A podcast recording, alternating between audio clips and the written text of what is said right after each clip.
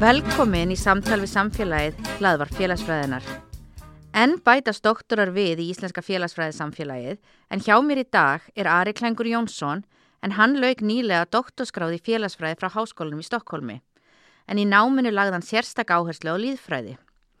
Rítgerinn hans bar heitið Beyond a Second Demographic Transition, Fertility and Family Dynamics in Iceland og eins og nafni gefið til kynna fjallaði hún um frjósemi og fjölskyldugerð á Íslandi.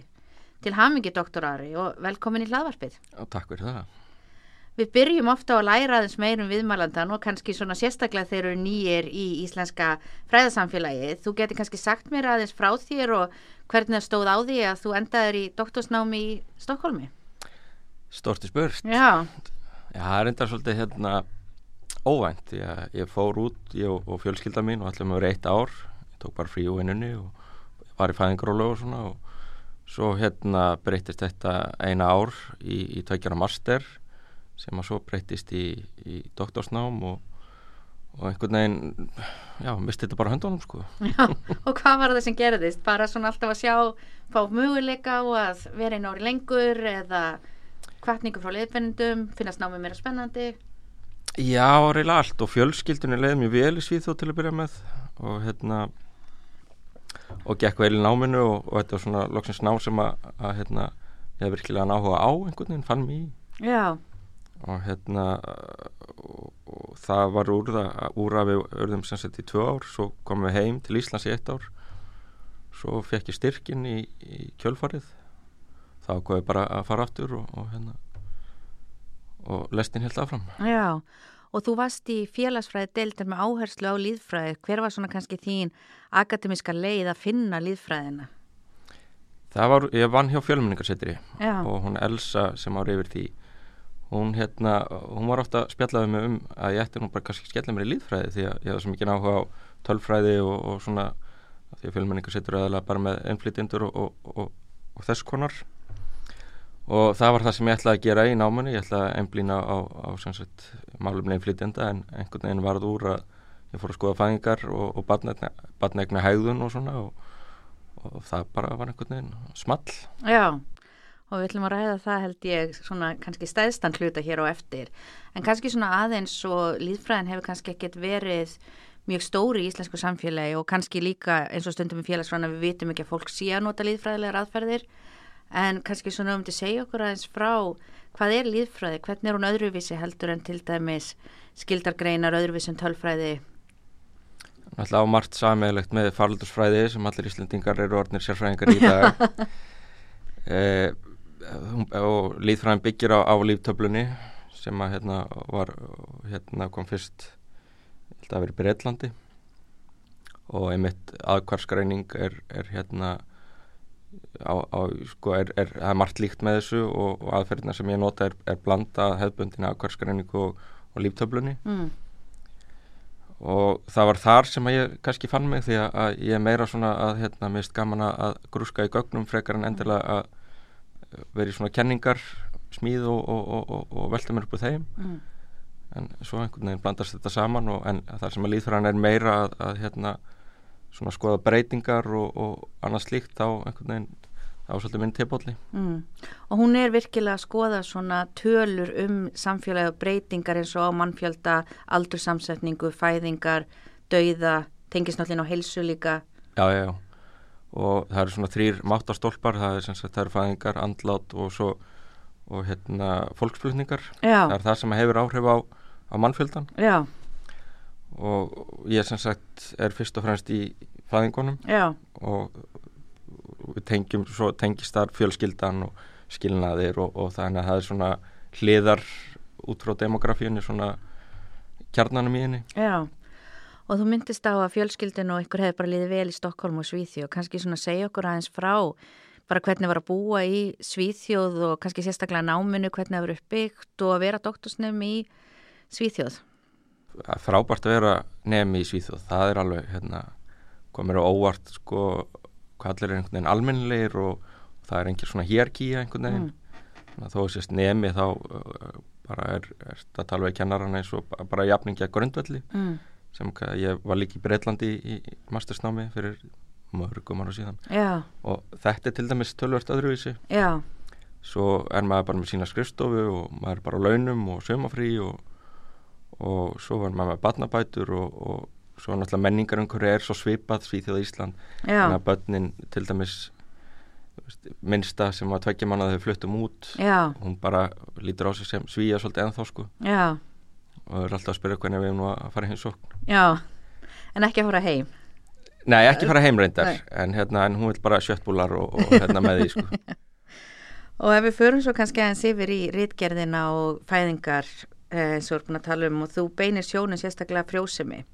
Og hvernig námið er sett upp í Svíþjóðreindar Íslandi líka er þetta samansapn af rítrindum greinum. Þannig að þú ert með fjórar greinar og svo ingang sem að þú gerir að því uh, og þú sem sagt skoðar fjölskyldu og frjósemi uh, mér langar kannski aðeins að vita áður um fyrir svona að skoða nákvæmar niðurstöður eða ákveðna greinar uh, kannski af hverju var þetta viðfangsefni sem að vakti áhugaðinn og kannski hver var svona stóra rannsóknarspurningin sem að bindur þetta allt saman? Hvað var það sem þú virkilega vildir vita í verkefninu? Þetta er svolítið, svolítið svona keðja. Já, leiðbænandi minn hann Gunnar Andersson hann hérna er búin að rannsaka mikið á allir Norðurlöndunum. En hann vantaði alltaf Ísland. Já, svo er ég í mastersnáminu í einu ári og, og hann svona skýtur ég að mig hvort ég vil ekki fara í tveggja ára nám og, og svo verður það úr og, og hann hérna vill Olmur bara vera leiðbennandi í, í mastersverkefninu og verkefnið sem hann sem sagt styrði það borgaði fyrir mig gögnin. Og, og ég var með einhverju hugmyndir sem sagt annarkvort að skoða fæðingatíni eða halda mig við málefni einflýtenda og þegar við rættum þetta þá sko sem var alveg rétt í ánum þá væri sniður að byrja á grunninum. Mm, svona á, að byrja á, á batneignónum og svo frekar þá að fara síðar í málefni innflytjenda og skoða það. Mm, þannig að fyrsta greinin hún byggjar mastersritgerinni og þá var bara svolítið þetta verkefni farið að rúla já, og mér langaði svolítið einmitt að taka í ritgerinni alla hérna svona live course bara, þú veist, því það er ekkert alltaf happy ending sko. Já, að hérna byrja sem sagt á fertilitíinu að taka sem sagt síðan sambúð og, og, og giftingar og slíkt mm, og enda síðan skilnaði. Já, þannig að loka hringnum. Mm, þannig að reitgerni hefði sko hefði verið nóg að hafa þrjárgarinnar já. en hann að hinn var svona að, að tróðin inn í restina til að gera the requirements? Já, til að nei, nei, klára- bara svona til að hérna hafa, klára hringin klára hringin mér langaði virkilega að hafa svona heilstætt Já, og þú talar um að taka þetta svona í live course perspektu sem ég veit mjög ekki alveg hvernig er best að þýða á einmitt, Íslandi, en hvað eigum við við með því? Og ég held að svona kannski áherslan í félagsfræðinni meir og meir að fara á að skoða í rauninni þá kannski bara æfi ferilinn í heild einstaklinga og þá líka áherslan á að nota langtímagögn. Já, því að það er það sko, einn atbyrður, Mm. til dæmis eignast badn, hann er þá nátengdur öðrum atbyrði sem er að kannski að skrá sig í sambúð, sem aftur er þá gifting og ég menna þú skilur ekki nema að hafa giftið áður, þannig að, demografían, það snýst um að skoða hlutina svolítið helstætt, Mm. út frá sko hverjum öðrum og að þú sést alltaf með sko þann hóp fólks, þú ert að skoða þann hóp, hóp fólks sem að er sko á hættu að hérna til dæmis að eignast batn eða skilja. Já, þannig að hérna og þetta live course eða eh, sagt þú skoðar lífið bara heldstætt já, þú ert ekki bara á einum stað á einum tímapunkti heldur þú vilt vita hvað gerist undan og þá skoða í framhaldinu sko hversu margir lendi því að eignast batn eða gifta sig eða skilja. Mm þannig að, að þú einhvern veginn fáir heldstæðir í mynd og þar eru ofta grein á milli áhrifum eins og aldus eða að tilheyra ákveðnum árgangi eða vera upp á einhver ákveðnu tímabili. einmitt. Þannig að getur sagt mér kannski aðeins hvað við eigum við með því og af hverju það skiptir máli. Já, það var náttúrulega fæðingar og loskerfið breytingin Mm árið 2000 uh, svo erum efnahagsrunnið þetta er svona period effects Já, eða hérna, sem að geti haft áhrif á hegðum burt sér frá hvernig uh, manneskinni fætt mhm, sem að verður fyrir áhrifunum innan gjásalappa svo ertu með líka einmitt uh, eða til dæmis með mjög fæðist mjög stóran fæðingar árgang mm, þá getur það haft sko ákveðnar afleðingar líka. Upp á vinnumarkaðin, upp á hérna, tækifanni sem að hefur í lífinu, húsnæðismarkað og þá er það líka kannski verra fyrir þá fæðingar árgangar sem koma á eftir því að það búið að fylla allar stöður er ekki, og, og Þannig að svona baby boom árgangar eins og eftir stríð og annað það getur bara haft afleðingar út af fyrir sig. Mhm, en ég, ma, svo er maður samt svolítið skeptiskur á að sé svona einhver áhrif út frá því hvernig þú fættur mhm, það sko yfirleitt er hérna ef þú til dæmis skoðar fæðingatíni eftir fæðingar árgangum þá eru breytingarnar rosalega leitlar yfir æfiskeiðið já, þannig að breytingarnar eru yfirleitt í hérna sko period en ekki þannig að það er minni líkur á að hérna þú verður varfið einhverja breytingar eða ert að skoða fæðingar árgangana 1980-85 mm, en það er kannski meiri hérna, og sér meiri breytingar þú ert að skoða fyrir og eftir efnagsrunni mhm, en svo jafnast þetta kannski út að lokum þegar manneskjum verður 49 ára eða eitthvað svo leiðis já. Þegar við hættum að skoða og fyrsta greinin sem að þú ert með skoðarinn mitt frjósemi frá 82 til 2013 á Íslandi. Geti kannski sagt mér aðeins frá þeirri grein og helstu niðurstöðum? Já, það er einmitt því það er svolítið hérna bastardur því að, að þetta er svolítið, svo langt tímabil að þú ert eiginlega með fæðingar árganga eða kóhort og svo ertu líka með period já, sem er aðal sko, periodið er, er greinin en það sem að komur óvart er kannski hvað er mikill stöðurleiki í hérna í svona maður vantar öll íslensku orðin. Já. Það, ég held að það sé bara ekki til. En ertu með ennsku eða sænsku sem að leitar í? En sko en hérna þá sem, satt í magni af börnum. Já, fjölda. Fjölda. Já. og svona, eða sko ekki beint fjölda því að hérna ég skoða sko fyrst annað og þriðja bad hversu, hversu margar konur eignast. Uppsöfnu börn yfir Upp- æfiskeiðu einmitt mjög þjált og skemmtilegt. Og hérna, en það er rosalega litla breytinga þar. Já, það er sama hlutfallið meira að minna er eins og kreppan náttúrulega aðeins setur styrkir reikningin en svo að þú ert að skoða tíma þá getur vel verið að það jafnir sig sko. Já, en hérna en, en svo er það tíminn. Já. Hvenar þú eignast bönnin hann hefur verið að breytast. Þannig að, að, að konur hafa verið að senka því að verða mæður og en á hinbóin þá er minna bíl á milli badna Já, þannig að fjöldin kannski breytist ekki endilega en þú ert að eiga þau kannski frá 34 til 40 já, í, í staðan fyrir 20 22 til 40 Já, svolítið, já, það hefur verið að þjappast saman. Já, og þá við sjáum breytinga til dæmis eftir að hérna, fæðingarólófun var breytt maldamótin, já, þá einmitt minkar hérna, bíla á milli badna já, og, og, og sem sagt við sjáum líka að konur hættu að senka barnegnum í sama mælu og þar gerðu fyrirbreytinguna. Já, og hérna og, og, þó við getum ekki talað um eitthvað orsakasamhengi þegar svo margt sem að getur spilað inn í en þá verðist vera að það séu tengsl alveg á milli. Þannig að hvað sem eða hvað stjórnvöld gera það getur alveg haft ákveðin áhrif á hegðun okkar mhm, í samband við þetta. Og það er svolítið við þurfum ekki að fara til Kína til að finna áhrifin sko. áhrifstjórn, já.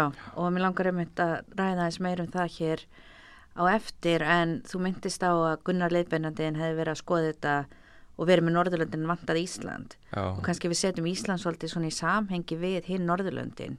Erum við svipuð og við allavega heyrum oft svona í samhenginu að við eignast fleiri börn og svona séum Já, það er bara núna síðustu árum þá erum við búin að vera þá hættu við höfum alltaf verið á toppnum sko, já, að sjálfsögðu. Að sjálfsög en hérna á síðustu árum höfum við bara verið svolítið uh, á pari við svíja já, en svo það maður líka að passa sig á sem mælikvarða. Þetta er eins og ég segi sko að þó að koma eitthvað svona hérna fall á tímapunkti þá getur sko geta það jafnast út síðar. En við höfum verið á pari við svíja núna síðustu ár uh, þeir fóru yfir okkur í fyrsta sinn fyrir tömur árum. Við erum aftur í fórskoti núna með 0,01 barn held ég yfir.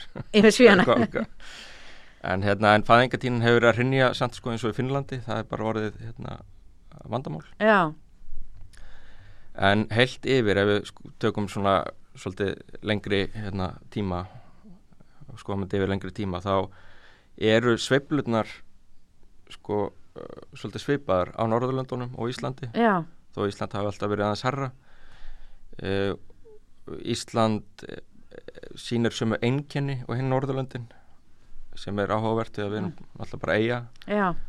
og hérna og allt það en, Og hvað áttu við með einkenni? Hvað erum við að sína? það er eins og með eignast börn utan hjónabands Mm. Ísland er emitt í farabróti þar Já, e, skilnaðatíðinni þegar hún jógst og hefur endar farið lækandi aftur síðan.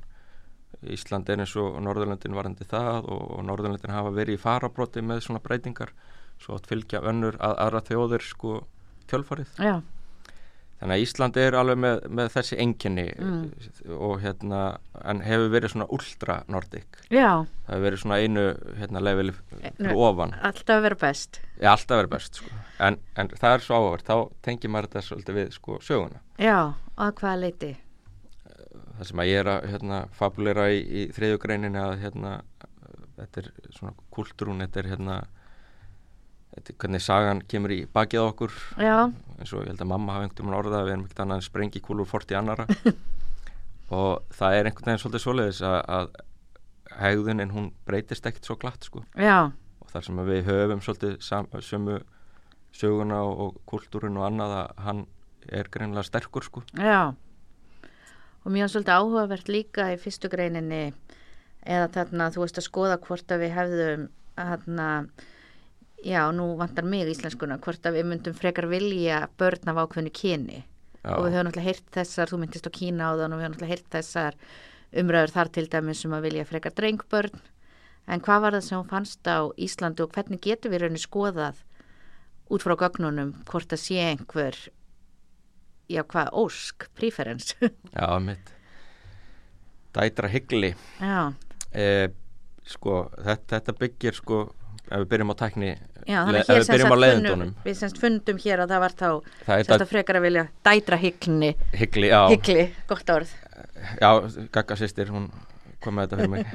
En hérna, málið er að uh, hún er ekki mikil. Mm, ef ég hef verið að skrifa sem sagt í dag þessa grein þá hef ég ekki lagt nærri ég mikla áherslu á þetta eins og ég gerði Já. ég var grætna bak og eirun á nýbyrjaður. Já, þannig að sko fyrsti punkturinn er að flestir vilja eignast börn af báðankynjum Já. eiga strákustelpu þau eru þau pör sem eiga strákustelpu eru ólíklust ólíklustu pörin til að eignast síðan þriðja barn. Mm, en þegar við skoðum síðan pör sem eiga stelpa-stelpu og strákustrák þá hérna eru þeir sem eiga tvo stráka aðeins líkleri til að eignast þriðja barn heldur en þeir sem eiga tvær stelpur. Já, og það tólku við sem dætra hyggli af því að það er sem sagt hættan á eignast þriðja barn er meiri hjá þeir sem eiga bara stráka. Þannig að þeir virðist vera fólk vilja aðeins meira eignast stelpu en strák. Já, e, þetta byggir bara á, á hérna, að það er ekki, sko að því með allt þýðið. Já, e, þá eiga ekki vera neitt munur hvort þú er tvær stelpur eða tvo stráka á, á pörunum. Já. Þannig að það á ekki vera neitt munur hérna milli Þannig að þau í rauninu og þegar við tölum allt þýði þá í rauninu með allar fæðingar á Íslandi. já, e, Þannig að þú ert með, barn egna sögu váka þetta er óþægt allara hvenna á Íslandi sem eru fættar hvað, 41 til 97 já, þannig að það á ekki vera neitt munur á hvort þú eignist þriða barn eftir. Já, en það er það sem ég finn. Og, hérna, og þetta er einhver 4% eða eitthvað sko, meiri líkur já, sem er nú ekkit svakalegt sko, en e, þetta er samt sama og, og hefur fundist í Svíþjóð og, og Danmörku og Noregi. Finnarnar aðeins hér á báti. Já, e, þannig að, að þetta, þetta líka setur Ísland sko með hinnum Norðurlöndunum alveg stert sko. Já, hann hefur getið sagt svona örlítil en marktæk dætra hyggli, hyggli. En, og þú sagðir að þér er nú svona skemmtilegur að vera grúska í gögnunum heldur en að kannski velta fyrir þér kenningunum og slíku. En hefur einhver skýringar að hugsa eitthvað, þú veist, af hverju ætli heldur að þetta sé að?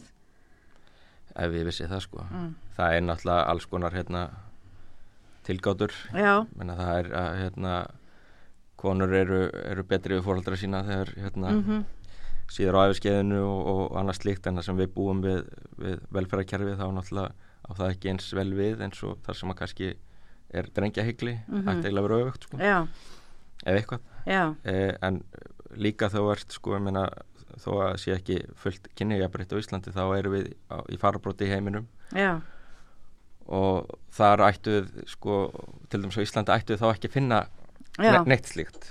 Þegar að það einhvern veginn er sko, þá er engin skilur þá mhm. og sko, og bara náttúrulega svona velta fyrir sér án þess að, að því að þú talar um velferðakerfið og hugsa um í ellin og slíkt en maður heyri líka svona eins og að dætur séu kannski duglegri eiga samskipti við fóreldra uh, duglegri að oft séð og þetta er auðvitað bara svona, já það sem þú heyrir ekki eitthvað sem við getum prófa en kannski þú veist að kallar fari frekar þá inn í fjölskyldu konunar og takki meira þátt í henni en dæturnar séu alltaf og kannski dæturnar séu svona sterkar að halda sínu. Hvort sem að það um rétt eða ekki en það er svona spurning hvort að en svo er mitt sko persónulega þe- þegar maður svona hugsaður þetta er bara svona já, pæla. Sko ég er ekkit viss um að þegar maður eignast börn að maður sé endilega mikið að pæla í Nei. skiluru hvað gerist eftir 50 ár sko mm, eða 40 ár. E, já, en, en spurninga hvort þetta er ég menna svo er önnur kenning hún er nú hérna kannski ekki hérna politically correct en, en, en hérna ég menna það er að- að kynin vilja eignast sitt kyn. Já, konur hafa meira yfir batnegnum að segja já, Eh, en, en þetta er allt bara einhver fabluringar á, á þessu Mm. stíði, það er, hefur enginn komið með neitt sko, eitthvað, einhverja kenningu sem Mm. hann að glera þetta sko. og sumir sem kannski segja sem við höfum líka heyrt að miklu skemmtilega að kaupa stelpuföt heldur en strákaföt Jú, jú, já, já, tvær stelpur sko. en þetta er auðvitað líka kannski eitthvað sem væri þá skemmtilegt að fylgja eftir með bæði þessu öðrum pælingum með eiginlegum Já, rannsóknum að virkilega þú veist fá líðfræðin og meginlega aðferðin að gefa okkur tölutnar og samböndin. Einmitt. En ef þú virkilega vilt svona vita hvað liggur að baki og auðvitað náttúrulega eins og segir og kannski aðal áherslan hér að þetta er auðvitað svona mjög lítil Já, dætra hyggli, ég ætla að fara að æfa maður svo orði. Dætar hyggli, já er, en síðan sem sagt og við erum svona aðeins búin að ræða það en mér langar að fara aðeins meiri það því að þú talar bæði um sem sagt fjölskyldustefnu áhrif frunsins og mér finnst mjög mikilvægt að hugsa á þann hátt sem að ég held að líðfræðin virkilega komi með inn og félagsfræðin vísulítið þetta líka. En þetta við fæðumst ákveðnu tíma og það skiptir máli hvernig við fæðumst. Og svo getur þú kannski ímyndaði svona eðlilega æfiferil þar sem að gerist kannski ekki neitt mjög marktægt en hluti sem við hugsun alltaf aldrei um eins og til dæmis bara stærð árgangs skiptir máli. En líka að ákveðnir árgangar lenda í einhver ákveðnu. Þeir geta lendi í kreppum, þeir geta lendi í COVID-19 eins og er núna. Og þá líka skiptir máli á hvaða aldri þú ert þegar, þegar þetta gerist. Til dæmis hvort þú sért á barneignaraldri eða ekki. Um, og talað um svona kannski við erum að mótast meira þegar við erum yngri þannig að það verður öðruvís áhrif á því að lendi kreppu þegar kannski tvítugur heldur en sextugur. Einmitt þannig að kannski tala svona sérstaklega um þetta sem var þarna þá í annari greininni annars vegar um fjölskyldustefnuna sem þú ert búin aðeins að tala um og kannski segja okkur aðeins frá hvað var það sem breyttist varðandi fjölskyldustefnu og já, svona kannski aðeins að fara dýbra í að því það er náttúrulega mjög svona áhugavert að hugsa um þetta að ákvarðinni stjórnvalda séu virkilega hafa áhrif á ákvarðin sem við tökum sem einstaklingar um eignast börn. Já, einmitt, því að þetta- er kannski eitthvað, sem maður hérna, er líka bara vanur, maður er vanur einhverju umhverfi og maður er vanur hvernig hlutinni ganga fyrir sig, við erum aftur í hérna sprengikúluna Já, en málið er að það, það gerðist fleiri en bara, bara fæðingarólos kerfið á þessum tíma. Já, upp á aldamótum þá líka í sambandi við leikskólan og annað að hérna mun fleiri börn voru tekinni á leikskóla og sem sagt þau voru eins og tveggjára e, fæðingarólu var lengt e, og það sem að kannski gerir þessa hérna, þessa breytingu áhugaverða fyrir sko fleiri en bara Íslendinga er að, að, að feðurni fengu þrjá mánuði. Já, maðurnar, maðurnar þrjá mánuði og svo þrjá mánuði sem að hægt, að, hægt var að skipta melli sín.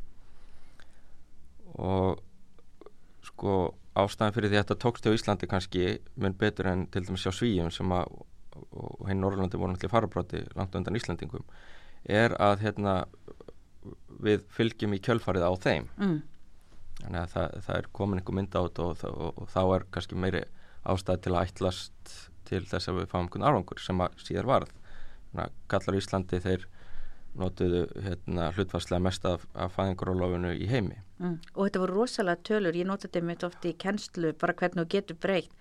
Þetta voru bara einhver örfrá prósent af köllum sem að tóku fæðingarólof og fóru yfir í nánast alla. Já, og fóru einhvern 3% í 34% Já, á, á, hérna, á 5-6 árum, Já. hvað það var. Svo náttúrulega kemur hrunni og þá fer þetta lækkand aftur en Já. er samt alveg í, í kringum 30% ennþá. já, sem er annar kapituli sem við getum tekið Já. vantilega heilt hlaðvarp um sko. en hérna eh, þannig að þessi breyting hún var, hún var mjög mikil mm.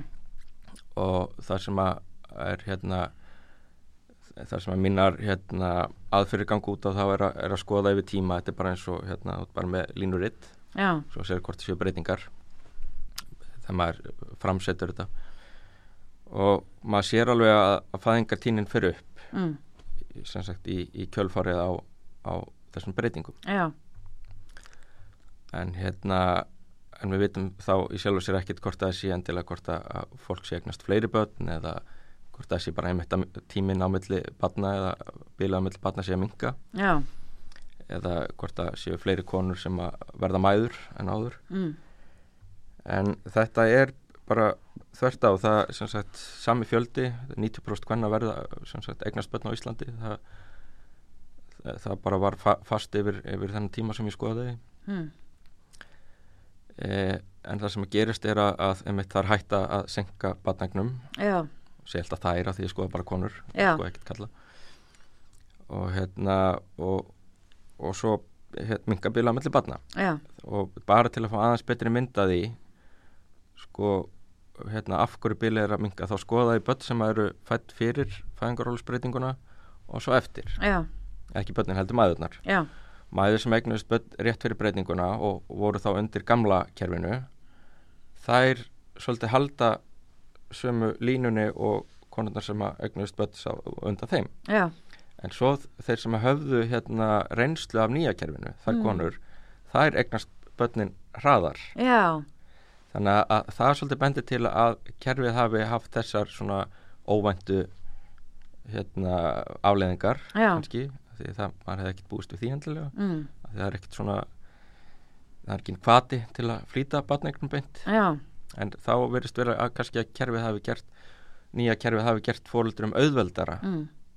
að hérna hugsa um börnin að, og, og, og leikskólinni teku við þeim fyrir og annað. Þannig, og, og kannski uh, af því að fæðingatínin hefur lækka núna ár frá ári sín eftir hrun og það er kannski þetta að, að við virkilega þurfum að fara að huga að þessu bili á milli fæðingarólofs og hvernig börn eru tekin inn á leikskóla. Já, því að, að það gæti verið bara svona einhver hindrun sem að, að stendur í fólki. Hann að þó Mm. eignast fyrsta barn þá kannski býður það með að eignast annar barn því að, þetta er ennþá fest í minni hvað það er erfitt að, kljúfa þetta bil. Já. Þannig að við sjáum greinilega breytingar eftir hrun, varðandi hvað fólk er að gera og hvernig barningnir eru. já, já, það bæði hefur sko konur að farnar að senka aftur Já, að verða mæður. Það náttúrulega getur alls konar spilað hann í það. Já, og eins og segir með kannski að þú ert tvítur þú lendir í hruninu Já. og kannski verða þínar svona áherslur í lífinu kannski svolítið öðruvísi heldur en þeir sem að voru búin að regnast börnin og, og þú kannski vilt upplifa meira áður en að hérna, þú settle down já, að þú hérna, myndar fjölskyldu og eignast börn og svo leiðis þannig að það getur verið alls konar sem við getum ekkert að mæla svo öðvöldlega já. Svo, nú man ég ekki hvað ég var að segja ég var alveg dottin í Við þetta vorum komin í hrunið, já. já, já. En, hérna, en það sem að gerist í hruninu eða eftir hrun að því að, að fyrstu tvö árin þá er, er, er fæðingatínin í hámarki. Já, og hérna en í kjölfari þá er, er sér lækkun. Já, það eru konur að senka barnegnum e, það er hérna og þar að leiðandi að því að þú getur ekki egnast barn nummer tvö nema og eigir eitt barn fyrir já, þá er sem sagt eru fæðingar uh, higher order births eins og, eins og það kallað þá hafa þær líka sagt, þeim farið fækkandi líka. Já, þannig að þetta er svona heilt yfir. Þetta, þetta er ekki eitthvað eitt en, en ef þú vilt gera breytingar þá einmitt verð, sko, verða mæður að verða mæður, að konur að verða mæður. Já, og, og svo ef við viljum fá breytingar kannski á þessu þá, þá gruna mig helst að hérna, við þurfum aðeins að, að taka til í í stöðningi okkar við, við fjölskyldur. Já, og mér er svolítið áhugaverður síðan titillin á þriðjugreininni hjá þér þar sem maður má kannski tala um að við séum svona þjóðbastardara Já, við, og þú varst aðeins svona farin að koma inn á kannski hvernig svona sagan og fortíðin skiptir máli. Eh, hvað var það sem var sérstaklega að skoða þarna og af hverju notar þetta sem titilin? það var einhver bandarískur hérna breytikari Já, sem var með heimildamönd innan gæðsalappa sem heitir bara Iceland Nation of Bastards Já. og það er ekkert spurningamarki þar sko. og hann kallaði líka Ísland Feminist Hell og eitthvað, já, þetta var eitthvað mjög mjög góð típa þú erum greinlega öll að fara að horfa á þessa heimildamind. ég mæli alveg eindreið með henni en það, það kom hugmyndin af, af titlinu því Ísland er náttúrulega í farabróti það kemur á fæðingum utan hjónabands. Já, það eru um, 80 83% hérna uh, fyrstu barna eru fætt utan hjónabands. Já, 70% allra barna. Já, þetta var einmitt alltaf sem að því var í bandaríkjunum. þeim finnst þetta þeim mjög finnst þetta rosalega skrítið. Einmitt og þannig ég notaði þetta alltaf svona til að sína félagslega sköpun veruleika eins og segja náttúrulega mér fannst jafn skrítið að fólk var að giftast án þess að hafa jafnvel sofið saman og nokkuð tíma búið saman. sem að manni finnst mjög skrítið mitt já, ok, beinti djúbulögin en hérna já, en þannig að hugmyndin af, af, af titlinu kemur þaðan. Og mér langaði að skoða einmitt sko hérna samspil Já, sem sagt sambúðar, badnegna og, og, og svo hjónabands. Já, það er náttúrulega munur á sambúð og hjónaband en þá svona þegar við skoðum hérna reglurnar í, í sambandi við þessu tvö form já, en, en það er minni kvati til dæmis fyrir Íslendinga að ganga í hjónaband til dæmis sem er með við kannski Bandaríkin eða Mhm. Þískaland eða Östuríki eða mm og af hverju er minni kvati? e, er bara í sambandi við stuðning og, Mm. og, og, og, og hérna ég meina það var eitt kollegi minn í Svíðþjóð hún giftist hérna kjærastannu sínum því þau fluttu til Þískalands Mm. og hann er það hærri launum eða var gift veist, þetta er bara fyrir fimm árum sko. já, já fjórum, að, að veist, það er alveg ennþá það eru svona, svona, já, og að- náttúrulega hefur verið svona gegnum tíðina og ég minn það er rétt núna kannski að síðasta áratug sem að eru til dæmis virkilega að byggja upp leikskólana. já, þau, þau hafa farið hérna leiðina, no, Norðurlanda leiðina Já, til að reyna að hérna stokka hans upp sínum hérna málum og, og auka fæðingatínu því hún var mjög lág í Þískalandi já. En ég held ég við trublaði að tala um sam, sagt samband, sambúðar og barneigna og, já, mitt og, hérna, og bastaðrar. en það, það var svolítið sko það sem að, að hérna ég er að sína í greinin er að hérna þó að Íslandingar sé ekki endilega búnir að giftast þegar þeir eignast börnin Já, það eru samt lang flestir sem að gangi já, og hérna, þetta er bara spurning um tíma hvað kemur undan? Meina í bandaríkjunum er skilnaðatínin gríðarlega há, mm, mun herri en til dæmis á Norðurlöndum. Já, og þannig að það er bara spurning hvort er betra. Og í staðin fyrir að tala niðurhandi um Íslendinga eins og þessi blessaði pritekari gerir þá kannski mætti meira svona horfa til okkar í, Mm. í sambandi við sko að kannski er þetta ekkit verið leið heldur en að gifta sig fyrst og byrja síðan að hérna, búa til fjölskyldan. Já. En það sýnir líka kannski svona annað sem líðfræðin myndi hafa fram að færa eða skoða er að við erum náttúrulega bæði að skoða þá og mér er svolítið skemmtilegt hvernig þú segir hættun á að lendi því eignast barn og hættun á að lendi að giftast. En við erum ekki bara að skoða hvort eitthvað gerist fyrir einstaklingin heldur við líka þá að skoða þessa röð lífsviðburða Já, það, það er eiginlega það sem að þriðja greinin gengur út á. Já. það er bara að sína að röðin er öðruvísi. Já, en í sjálfu sér er ekkit rosalega mikill munur á á sko hérna loka afurðinni eða já, ég veit ekki hvernig maður á að koma þessi yfir á hérna malt mál en og, og svo er líka nefnilega það sem að svona kerðið mér svolítið áfram var að, að hérna hjónabandstíðinin, eitthvað, giftingatíðinin gifting, já, að hún er svipað á Íslandi og bara í, setja ríkjónum já, og þá er þetta fer ekkit saman að hérna, vera langa efst í, í hérna, fæðingum utan hjónabands en svo er giftingatíðnin bara svipuð Já. annar staðar. Og, það bara sýnir að við, erum bara að gera hlutina svolítið bara á, í annari röð en, en, en kannski kannski aðra þjóðir til dæmis ef við með við Suður Evrópu eða annað já, eða Bandaríkin. En svo er það líka annar hluti og það, við höfum alltaf verið að gera þetta svona. Já, meira að minna. Já, og það er svolítið svona áhugavert að fara kannski með aðeins tilbaka og skoða þessa sögu og menningu.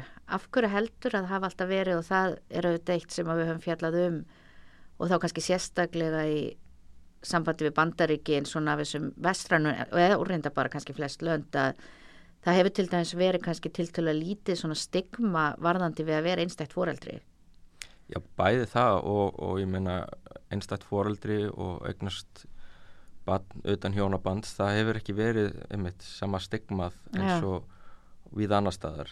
Kirkjan hefur ekki haft jafn sterk tök á Íslandi til Mm. dæmis og þannig að þetta var aldrei sama issueð hér eins og annar staðar Mm. kannski uh, og, en fólk var sko hérna, í sambúð. Já, oft á tíðum trúlóðunar sambúð eða annað slíkt. Og þá var bara sett svolítið samansemmerki á milli. Já, þannig að það var ekki beint litið á fólk sko sem hérna, einmitt einstæða foreldri eða svoleiðis. Það er þar sem ég líka svolítið að greina á milli já, hvort þú sést einstætt foreldri eða hvort þú sést sagt bara í, í sambandi. Já, og þannig að það kannski skiptir ekki máli hvort að barnið fæðist í sambandi eða hjónabandi. Já, að hérna, það er kannski líka svolítið punkturum með greininni. Já, að merki meðin hjónaband skiptir ekki öllum máli. Já, það sé meira með það, það er bara sambandi hvernig það já, fungerar. En síðan fórst yfir í að skoða sérstaklega þetta og þá þessi tengst sambúðar og skilnaða í síðustu greininni. já það er svolítið einmitt óvænta niðurstöð Já, því yfirleitt er það þannig að, að hérna, í svona alþjóðlegum rannsóknum að þeir sem að hérna, er í sambúð svolítið samt að maður pælir í er, eru margir sem að gifta sig án þess að hafa búið saman í dag svona ef við horfum bara á Evrópu og, en allan út svona, já, ok. En þá hefur alltaf sko verið e, þannig að e, þeir sem að hafa verið í sambúð og gift sér síðan þeir hafa e, sem sagt haft herri hérna, skilnaðatíðni en þeir sem að gifta sér beint. Já, Svo þegar ég skoði þetta í Íslandi að nota ég um skráðasambúð Já. það fram hann- þannig að þá er ég búin að visja svolítið úr þá sem er búa bara saman já, og hann að þetta er hópur sem er þá kannski sem er búin að búa með fyrsta stíð er komin já, annar fólk stíð sem er búið að taka ákvörðun um að það Já. er ekki bara svona prófað, Nei, og er tengt batn ekki Já. líka eiga kannski Já. batn saman og annað en ég Algjörlega. stýri fyrir því öllu í, Já. sko, hann að þetta er börtsið frá því sko, Já. svolítið að, á Íslandi þá er þeir sem að skrá í sambúð þeir eru ólíklegri til að, að hérna, skilja úr hjónabandi síðan meir. Já, og þetta er, er svolítið óvænta niðurstöður. Já, og hérna sem að, að ég held að það sé spennandi að, halda áfram að skoða. Já, svo greinar endur enn í reytirinningu þannig að ég átti að fá alls konar skemmtilegt í hausinn. Já, en, hérna, en, en þetta er svolítið spennandi að, hérna, að það sýnir kannski líka fólk sem er með svona hefðbundin live course og við fyrir aftur í hanskuna já, það, er einmitt svona ólíkleira til að, að hérna, skilja eða að, að fjölskyldan er ólíkleiri til að, að fara í sundur heldur en þeir sem að kannski gera öðruvísi. Hvort sem að, að þú hérna sem sagt giftið beint eða, eða, eða eignist badn og, og, og giftið síðan að sko að, að þe- þessi normal hegðun en að gæsalappa já, hún sem sagt er, er svona sterkari gefur sterkari vísbendingar um, um stöðuleika heldur en, en einhverjar, eitthvað sem er frábúruðið Mm. henni sem að þá kannski einhverju leiti segir okkur meira um að einstaklingar getur verið tilbúinari að svona fara utan þessar norma samfélagsins heldur en að sé einhver verdarmáttur hjónabandsins. já, hjá, einmitt, þetta sé, hjónabandi er meira svolítið merkimiði það Já. og, og það er kannski meira gert fyrir í dag fyrir hérna sko fyrir uh, parið uh, skráð sambúð er þá meira kannski fyrir badnið já, og flest sko réttindi þegar við horfum á badnið sem slíkt þá eru réttindin tengt sambúðinni. Já, hjónabandið það kannski er eh, ver frekar makan. Eins og í sambandi við hérna bara andlát eða skilnað eða annað og þannig að, að svolítið greinamunur þar á líka já. En ef við síðan veltum okkur aðeins og þú talaður um að að byrja á frjósemun og barnegnum væri svolítið svona grunnurinn og skrifa eitt en líka þú hefðir uh, byrjað kannski að hugsa um líðfræðina þú veist að vinna á fjölmenningasetri. þannig að við hugsun svona kannski um breytingar á íslensku samfélagi já undanfærin 10-20 ár þá er náttúrulega gífuleg breyting sem hefur átt sér stað og kannski að sumuleiti erum við þá að fylgja öðrum Evropalöndum og Norðurlöndunum nema við förum að sjá innflytjendur hér kannski setna þessa bylgu já, já. þannig að svona ef við hugsun aðeins um þær breytingar hvernig getur líffræðin hjálpa okkur að skilja kannski Íslandi eins og það er í dag og, og þá þróun sem að hefur orðið? Er og sambandi við við innflytjendur og hvaða spurninga eigum við að vera að spurja það er kannski sem að er, er áhugavert eh, í því sambandi er, er ég er ekki beint að svara spurningunni Mm. þarna en, en hérna það er til dæmis batnegna hegðun innflytjenda. Já, Eh, það væri áhugavert að skoða það því að það hefur áhrif til dæmis bara langtíma spára annað. Er, en yfirleitt þá sko verður uh, semst innflytjendur þeir haga sér eins og innfættir já. eftir ákveðin tíma. Mm, og en hérna við sjáum náttúrulega að innflytjendur sko fjöldi innflytjenda er rosalega háður hérna vinnumarkaðanum já, og okkar vinnumarkaður náttúrulega er aldrei mikið bara EES miðaður og innflytjendunir þar að leiðandi líka. Já, við erum alltaf með rosalega lokað kerfi það kemur að, að innflytjendum utan Európu-sambandsins erfitt að koma til Íslands Það er Já. bara, þannig að það er svolítið einsleitur hópun alltaf þetta er 40% eða eitthvað er, er, er náttúrulega frá Pólandi já,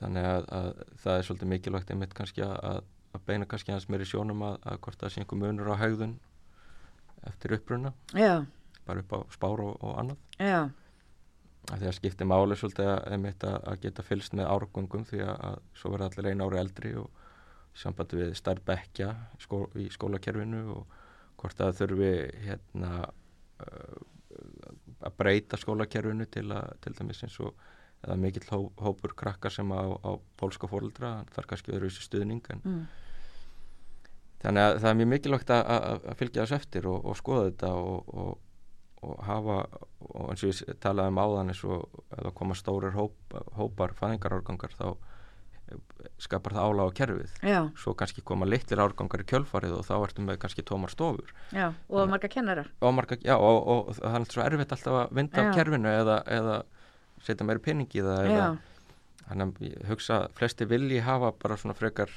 jafnvæg í já, til dæmis fjöldafæðing og annað. Já.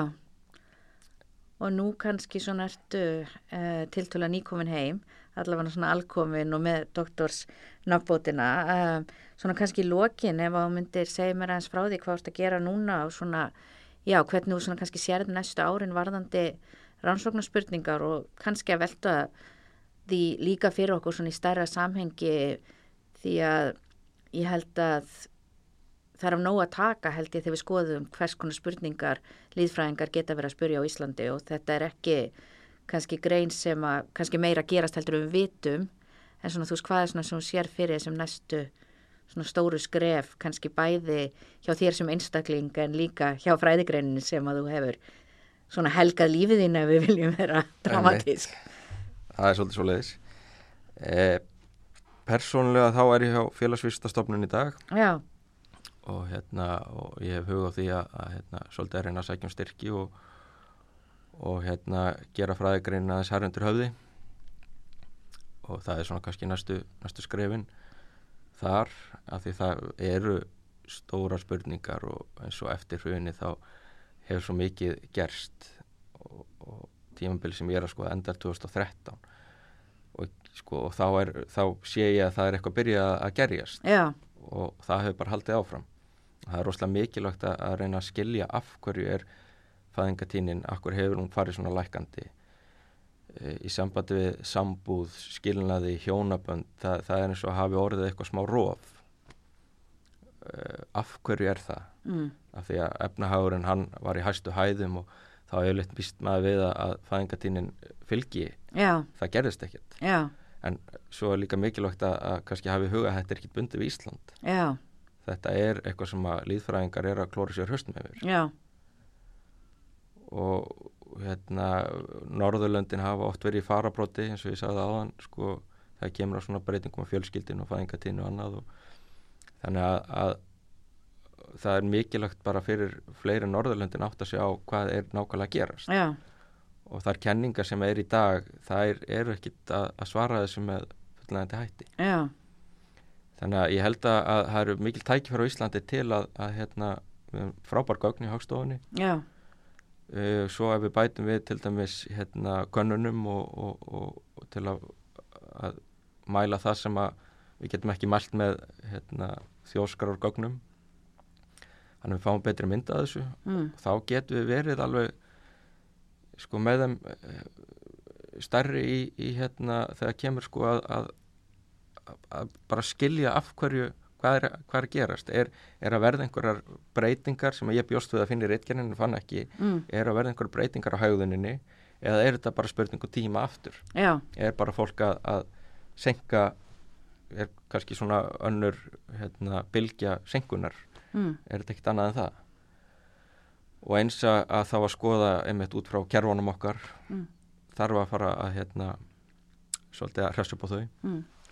Og það er líka þetta sem er svolítið spennandi og félagsfræðin náttúrulega gerir mjög vel er að velta fyrir sér mjög mikið af mismunandi gögnum og hvernig þau saman koma að því að hjálpa okkur að skilja samfélag og hér er ég náttúrulega að hugsa um bæði þessi líðfræðilegu gögn uh, kannanir sem þú myndist á, við getum hugsað um orðræðugreiningu um hvernig við erum að hugsa um börn og barneignir og kyn og slíkt. Og svo auðvitað eiginlegar rannsóknir. Og þar einmitt og við höfum aðeins talað um það eins og þessar alþjóðlegu kannunir og hér er ég hugsa um evrósku kannuna þar sem að til dæmis var núna nýlega uh, sérstakur hluti sem að gerði og spurði svona um viðhór fólks til hvena var rétti tímin og rétta röðin varðandi ímislegt varðandi lífsferilin einmitt. þannig að, og það sem mér finnst svolítið spennandi að því að við, það, það er svo margt eftir að gera á Íslandi. Já, það eru kostur og gallar. Kostirnir eru þeir að við getum svolítið einmitt kafað og, og farið tilbaka og við erum ekki bundin að neinu. Mm, þannig að eins og segir sko hvernig er rétti tímin mm, eða hérna hver er optimal fjöldin Já. eða, og, og kannski getum við einmitt eh, svolítið unnið út frá því líka að, að bæði farið fram að kannski ekki beint fram en, en skoða það sem er að gerast núna. Já, en á sama tíma skoða það sem hefur gerst áður. Já, og fengi kannski svolítið svona ferst sjónarhóttn á á hérna einmitt hegðunina og hefur hún breyst og er eitthvað sem að getur skýrt stöðun í dag bara út frá því sem að gerist fyrir 10 árum, 20 árum eða 130 árum. já, Þannig að mér finnst það svolítið spennandi líka að, að það gefur ákveðin tækifæri já, og það er vonandi eitthvað sem við getum fara að hérna, skoða núna í bara á næstu missurum og í framtíðinni. já ég, ætla að vera algjörlega sannfærð um það og bara spennt að sjá frekari rannsóknir og já, svona vöxt líðfræðinar í íslensku fræðasamfélagi og samfélagi almennt því held eins og segir þá er hún gífulega mikilvæg til að geta hjálpað okkur að sjá hvert við stefnum, hver þróunin er og það er auðvitað kannski ein grundvalla forsenda stefnumótunar. Algjörlega, hún, hún er svolítið grunnur Já, upp á vinnumarkaðin, já, upp á öldrun þjóflagsins. Ef við eignumst ekki börn þá verðum við alltaf eldra og eldra samfélag. mm, E, það eru færri sem að, að hérna, sem að hérna, styðja við þá sem að þurfa á, á hérna, aðstóða halda og, og, og þe- þetta er grunnurinn að allri stefnumótun. já. Þannig ég held að það sé bara fullkomin loka orð og bara til hamingi aftur og uh, bara takk fyrir að gefa þér tíma til að vera með okkur hér í dag og takk fyrir að hlusta. Já, takk fyrir mig.